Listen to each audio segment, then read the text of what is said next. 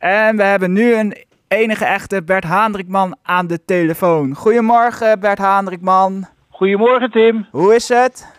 Hartstikke goed. Ik vind het super, super leuk dat ik even bij jou in jouw uh, koffieshow uh, te gast mag zijn. Mooi, mooi, mooi, mooi. En ik uh, las dat jij de ochtendshow van Radio 5 doet. Klopt. Elke ochtend tussen 6 en 9 bij Omroep Max. En dat betekent altijd heel vroeg opstaan. Om ja. kwart over vier gaat mijn wekker. En dat is altijd wel even, ja, even dat je denkt, oei, wat is het toch vroeg. Maar dan stap ik uit bed, dan spring ik onder de douche en dan, mm -hmm. dan, dan ben ik helemaal fit en fruitig en dan ben ik helemaal blij. En uh, ben ik ongelooflijk blij dat ik, uh, dat ik naar de studio mag gaan en dat ik het programma mag doen. Leuk. En um, hoe oud was je toen je begon met radio maken? Uh, nou, de liefde voor radio begon uh, al heel jong. Toen was ik een jaar of twaalf. Uh, en toen luisterde ik heel veel naar de radio. En het leek me zo bijzonder ook om, om daar ooit ook aan het werk te gaan. En die droom die bleef maar in mijn hoofd zitten. En toen op een gegeven moment ging ik studeren in de grote stad. In, in Groningen was dat. En daar hadden ze een lokale omroep. Ik dacht, ja, als ik die droom nu echt werkelijkheid wil maken, dan moet ik toch echt een keer zelf radio gaan maken. Dan moet ik wel van de zolderkamer af, waar ik af en toe wat platen af en aan kondigde. Dus toen was ik, uh, ja, een jaar of, uh, nou even kijken, een jaar of twintig. Toen ben ik 19, 20, toen ben ik begonnen met, uh, met radio maken. Oké, okay, en waar zat je toen? Op welke omroep? Dat was de lokale zender, de stadszender van Groningen. En dat mm -hmm. was OOG, Omroeporganisatie Groningen. Daar is het begonnen. En wat voor platen draaide je af en toe? Nou, we hebben het dan over de jaren negentig. En okay. uh, als ik denk aan de jaren negentig, dan denk ik toch echt aan heel veel uh, dancemuziek. Uh, het was echt. kijk, ik, had, ik was student, ik had, het was ook een jongere zender. En, en ja, veel, heel veel dancemuziek moet ik aan te, te, terugdenken. Paul Elstak en zo. Paul Elstak en natuurlijk Louis. Tentumento Tio.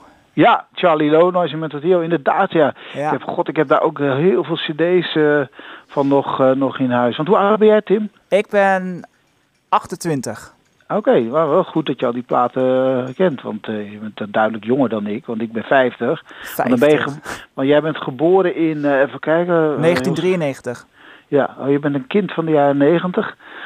Ja, dan zou jouw muzieksmaak toch vooral zich afspelen bij de plaat uit de jaren nul. Want volgens mij is het zo, de muziek die je hoort op je, op je twaalfde, van je Ja. twaalfde tot je achttiende, hè, dat je echt puber bent, dan, dan uh, die, dat is muziek die voor, die voor altijd het diepste in je hart blijft zitten. Oké, het en ehm, mag je zelf eh, bij NPO Radio 5 je playlist maken in de ochtend? Of moet je afdraaien wat er in de computer staat?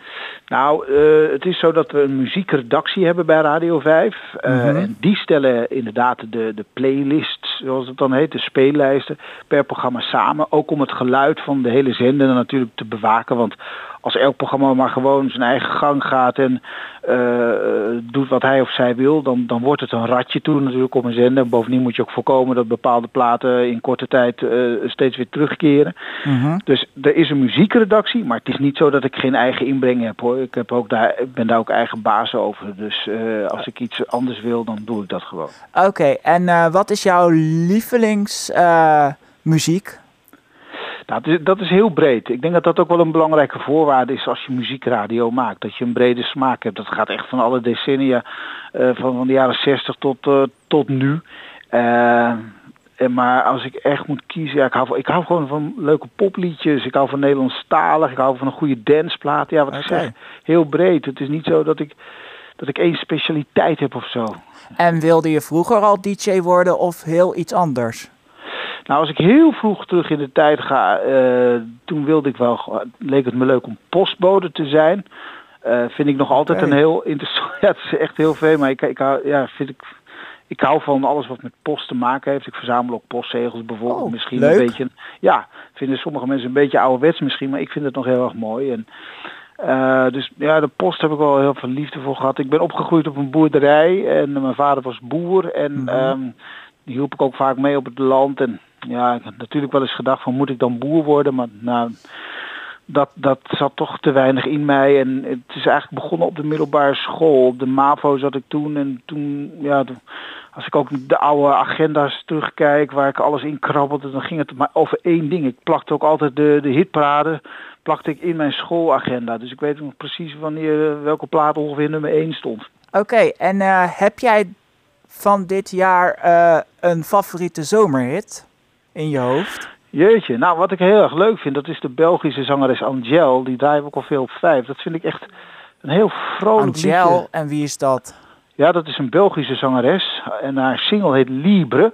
Libre. Uh, Libre, dat, dat vind ik een hele leuke zomerse plaat. Ik weet niet uh, uh, of jullie die hebben. Wat ik ook heel leuk vind is uh, Op de Bonnevoy van Bastiaan Ragas. Ja. Daar krijg ik ook een heel zomers gevoel bij. Oké. Maar wat de zomerhit is van 2022, dat, nou, dat moet nog even blijken. De zomer is ook nog niet voorbij, hè? Nee, klopt.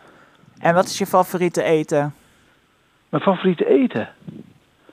Goh, um, nou, ik ben, laat ik dit zeggen, ik ben niet zo'n talent in de keuken. Dus mijn vriendin die uh, ja. kookt heel vaak. Mm -hmm.